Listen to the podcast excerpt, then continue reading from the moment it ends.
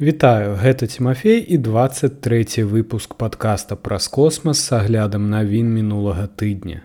Сёння раскажу вам пра запуск Тэран1, марсіанскі верталёт інжынюаці, пра двух спадарожнікаў ураны, якія могуць мець актыўныя падземныя акіяны, касмічны карабель NASAа дня, касмічны карабель NASAа для знішчэння МКС і іншым.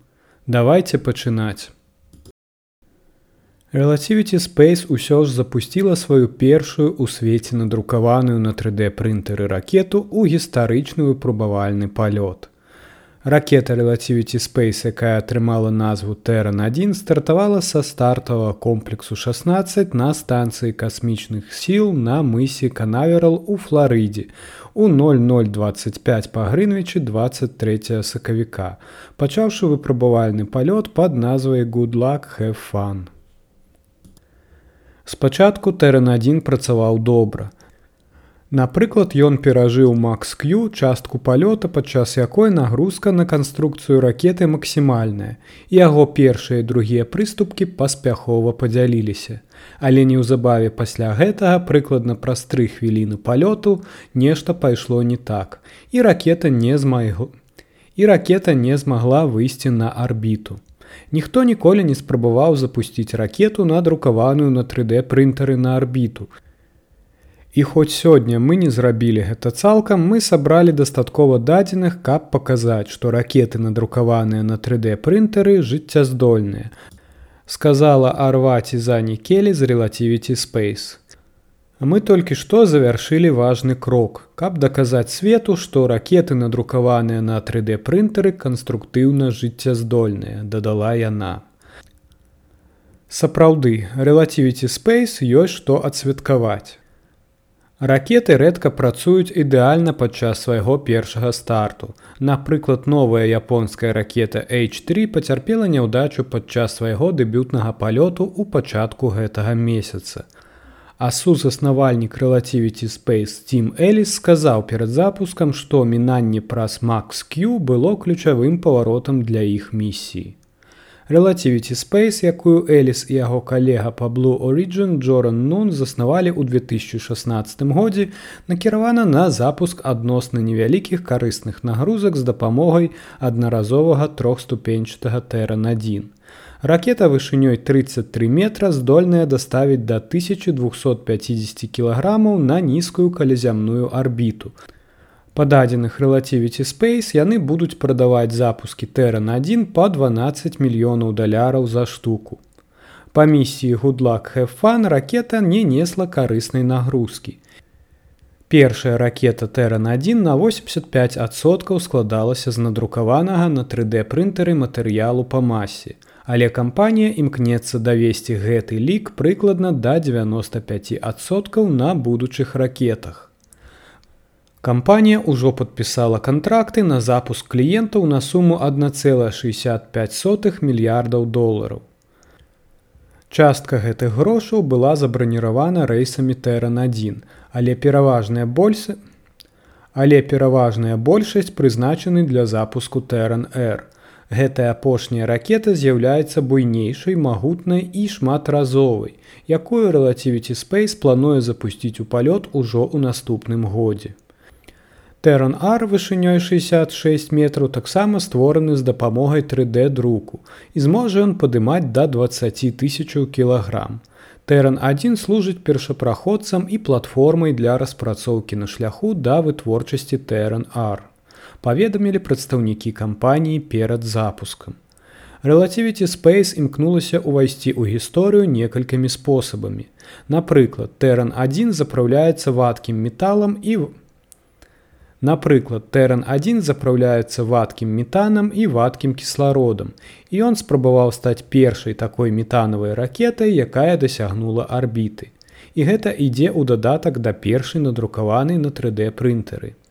Камбінацыя такога віда паліва падабаецца прыхільнікам даследавання марса, паколькі і метан і кісларод можна атрымаць на чырвонай планеце. Напрыклад, гіганцкі касмічны карабель новага пакалення SpaceX, які на думку Ілона Маска можа зрабіць каланізацыю марса эканамічна мэтазгоднай, таксама з'яўляецца таксама працуе на метане. Запуск у сераду быў трэцяй спробай Relativity Space у дэбютным старце для Тэран 1.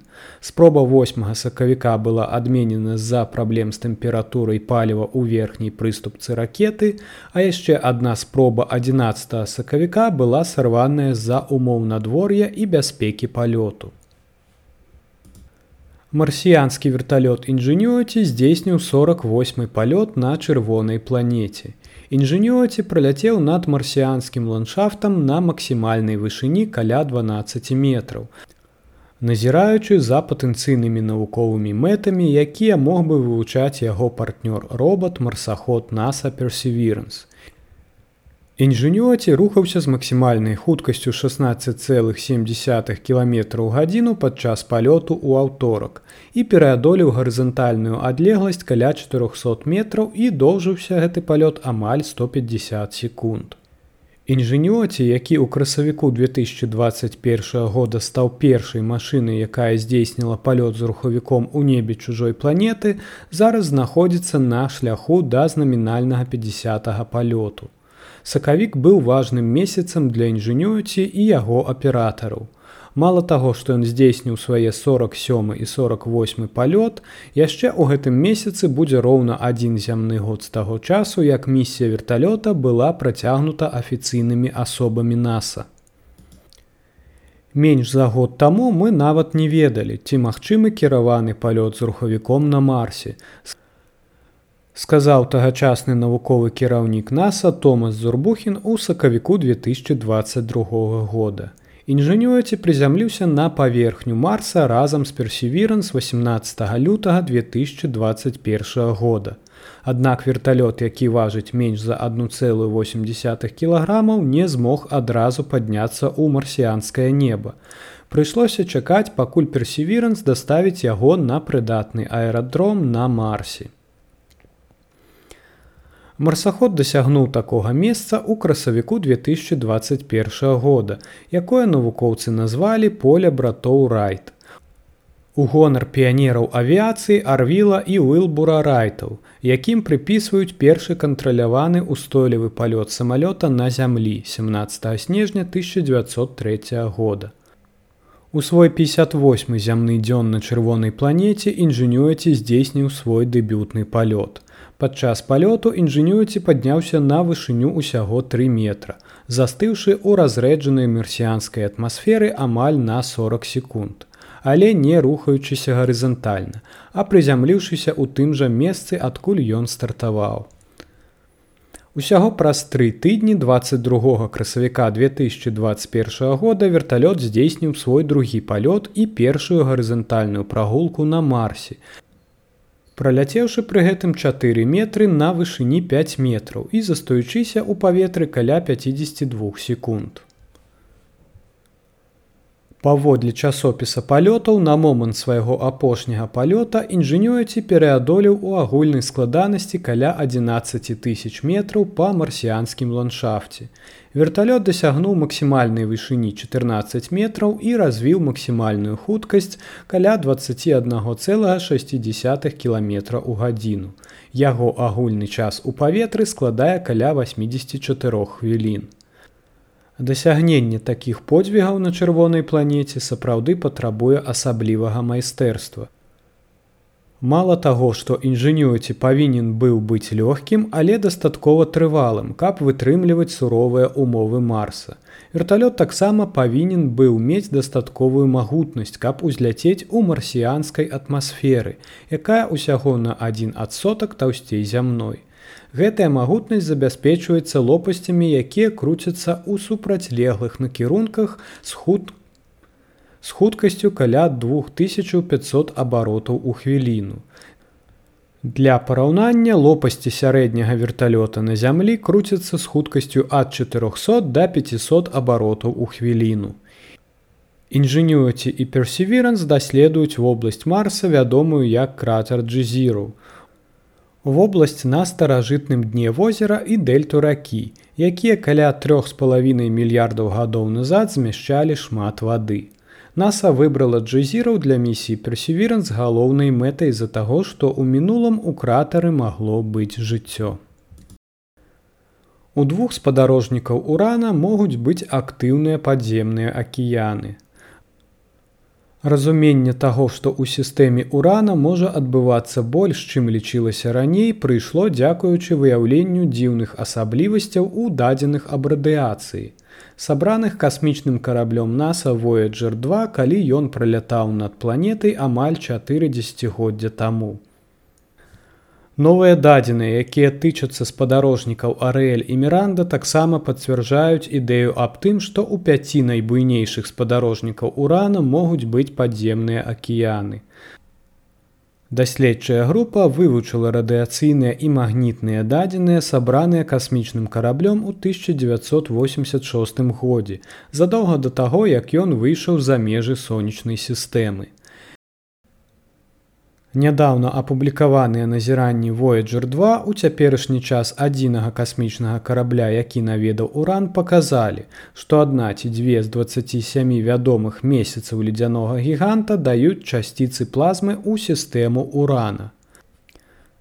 Гэтае выяўленне адбылося ў выглядзе захопленых энергетычных часціц, якія заўважыў касмічны карабель, калі ён пакідаў ледзяны гігант.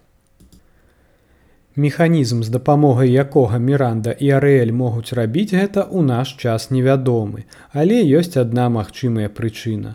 Адзін або два ледзяныя месяцы могуць мець вадкі акіян пад змёрзлай паверхняй, які актыўна выкідвае шлейфы матэрыялу ў космас. Падобныя месяцы, якія выпускаюць часціцы, існуюць вакол Нептуна і газавых гігантаў Юпітера і Сатурна. У выпадку са спадарожнікам Юпітера Еўропы і спадарожнікам Сатурна Энцелат менавіта вывучэнне дадзеных аб часціцах і магнітным полі дало першыя думкі, што гэта акіянічныя спадарожнікі. Атрыманыя дадзеныя толькі ўмацоўваюць жаданне навукоўцаў планетолагаў адправіць касмічны карабель да урана і Нептуна для збору дадатковых дадзеных што прывяло да прапановы флагманскай місіі на уран коштам 4,2 мільярда даляраў у якасці наступнай буйной планетарнай місіі NASAа. Але, на жаль, гэтая місія не будзе гатова да запуску да пачатку 2030х гадоў. Тым часам, Таму тым часам даследчыкі вяртаюцца да старых дадзеных сабраных падчас пралёта Voyager 2, каб зрабіць новыя адкрыцці спатрэбіцца сабраць больш дадзеных з вобласці вакол урана перш чым навукоўцы змогуць канчаткова вызначыць што часціцы паходзяць з-пад паверхневых акіянаў арэля або міранды. SpaceX запусціў дзве ракеты з інтэрвалам менш за 5 гадзін SpaceX ажыццявіў падвойную акцыю ў гонар дня святого патрыка, выканаўшы дзве арбітальныя місіі ў пятніцу 17 сакавіка. Шоу пачалося ў 1926 па Грынвічы, калі SpaceX запусціла 52 сваіх інтэрнэт-спадарожніка Starlink на арбіту з базы касмічных сіл Вандерберг у Каліфорніі. Затым у 2338 па Грынвічы Фалкан 9 з телекамунікацыйнымі спадарожнікамі SES18 і SES19 стартаваў са станцыі касмічных сіл на мысе Канаверал у Флорыдзе. Абедзве місіі прайшлі па плане. Спадарожнікі Starлінг былі выведзены на нізкую калязямную арбіту па графіку. А фал А Falалcon 9 паспяхова даставіў SES18 і SES19 на геастацыянарную пераходную арбіту. Абедзве першыя прыступкі Falалcon 9 таксама вярнуліся на зямлю, прызямліўшыся ў моры на беспілотны карабель SpaceX праз 10 хвілін пасля старту. Па дадзеных SpaceX гэта быў восьмы старт і прызямленне для Falалcon 9, які запускаў Starlink і шосты для ракеты, якая падняла СС-18 і СС-19. 52 спадарожніка Starlink да... 52 спадарожніка Starlink далучыліся да 3700 іншых касмічных апаратаў у велізарнай шырокапалоснай групоўцы SpaceX, якая будзе працягваць расці ў будучыні. Кампанія Ілана Маска мае дазвол на разгортванне 12 тысячаў спадарожнікаў Starлінг і дазвол на запуск яшчэ 30 тысяч звыш гэтага. SES-18 і SES-19 пайшлі далей. Дуэт накіроўваецца на геастацыянарную арбіту на вышыні каля 35 тысяч кіламетраў над нашай планетай. З гэтага месца яны будуць забяспечваць лічбавае вяшчанне ў паўночнай Амерыцы. Пятнічныя запускі сталі 18 і 19 з пачатку гэтага года для SpaceX і старты будуць працягвацца. Мінулым летам Маск сказаў, што SpaceX можа запусціць да 100 арбітальных місій у 2023 годзе. Паглядзім, ці ўдасца SpaceX выканаць гэта.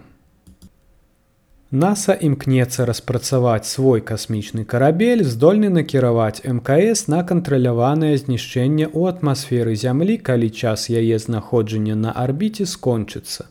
Агенцтва не хоча спадзявацца выключна на расійскія грузавыя караблі для вываду з арбіты міжнароднай касмічнай станцыі.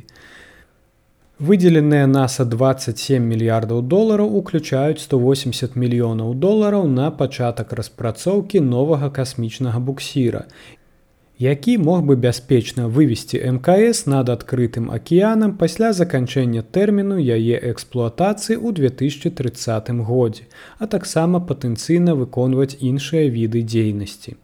Новы буксір дапоўніць існуючую магчымасць па сходзе з арбіты партнёраў міжнароднай касмічнай станцыі касмічных агенстваў ЗША рассіі еўропы канады і японіі Бягучы план бяспечнага вываду мкс са строю заснаваны на ўключэнні рухавікоў робатызаваных беспілотных грузавых касмічных караблей прагрэс, якія пастаўляюцца рассіі.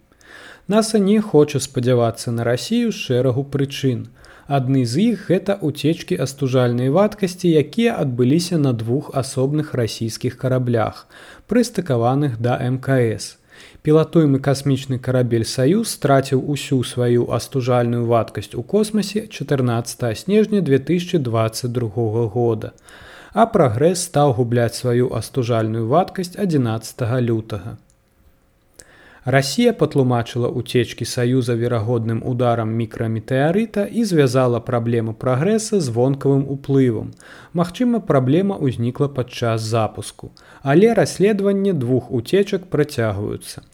Акрамя таго, Расія агучыла жаданне выйсці з партнёрства па мкс дэтэрмінова у нейкі момант пасля 2024 года, каб засяродзіцца на будаўніцтве ўласнага форпоста на нізкай калязямной арбіце. Гэтая інфармацыя верагодна ўплывае на планы NASAа. Акрамя таго на планы NASAа ўплывае ўварванне рассіі ва ўкраіну, якое разарвала многія партнёрскія адносіны рассіі ў космосе. NASAа таксама раскрыла некаторыя іншыя цікавыя дэталі бюджэту падчас прэс-канферэнцыі. Напрыклад, у 2024 фінансавым годзе, які доўжыцца з першага кастрычніка гэтага года па 30 верасня 2024 года, бюджэт выдзяляе 30 мільёнаў бюджэт выдзяляе 30 мільёнаў долараў на падтрымку пашукова-выратавальнага марсахода экзамарс у Еўропе паведаміў новы навуковы кіраўнік агенства нікі фокс гэты марсаход названы разалінт франклін першапачаткова павінен быў запусціцца мінулай восенню на расійскай ракете і прызямліцца на пабудаваным у рассіі спускаемым апараце Але мінулым летам еўрапейскае касмічнае агенцтва разарвала сувязі з рассіяй па праекце экзамарс і перапланавана і перапланавала місію, якая зараз наўрад ці стартуе раней за 2028 год. На дадзены момант незразумела, які менавіта ўклад NASAа ў канчатковым выніку ўнясе ў гэты марсаход. Гэта ўсе навіны, пра якія я хацеў распавесці вам у выпуску. Цяпер пагаворым аб падзеях наступнага тыдня. 27 сакавіка сыдуцца 5 планет і вы не захочаце гэта прапусціць.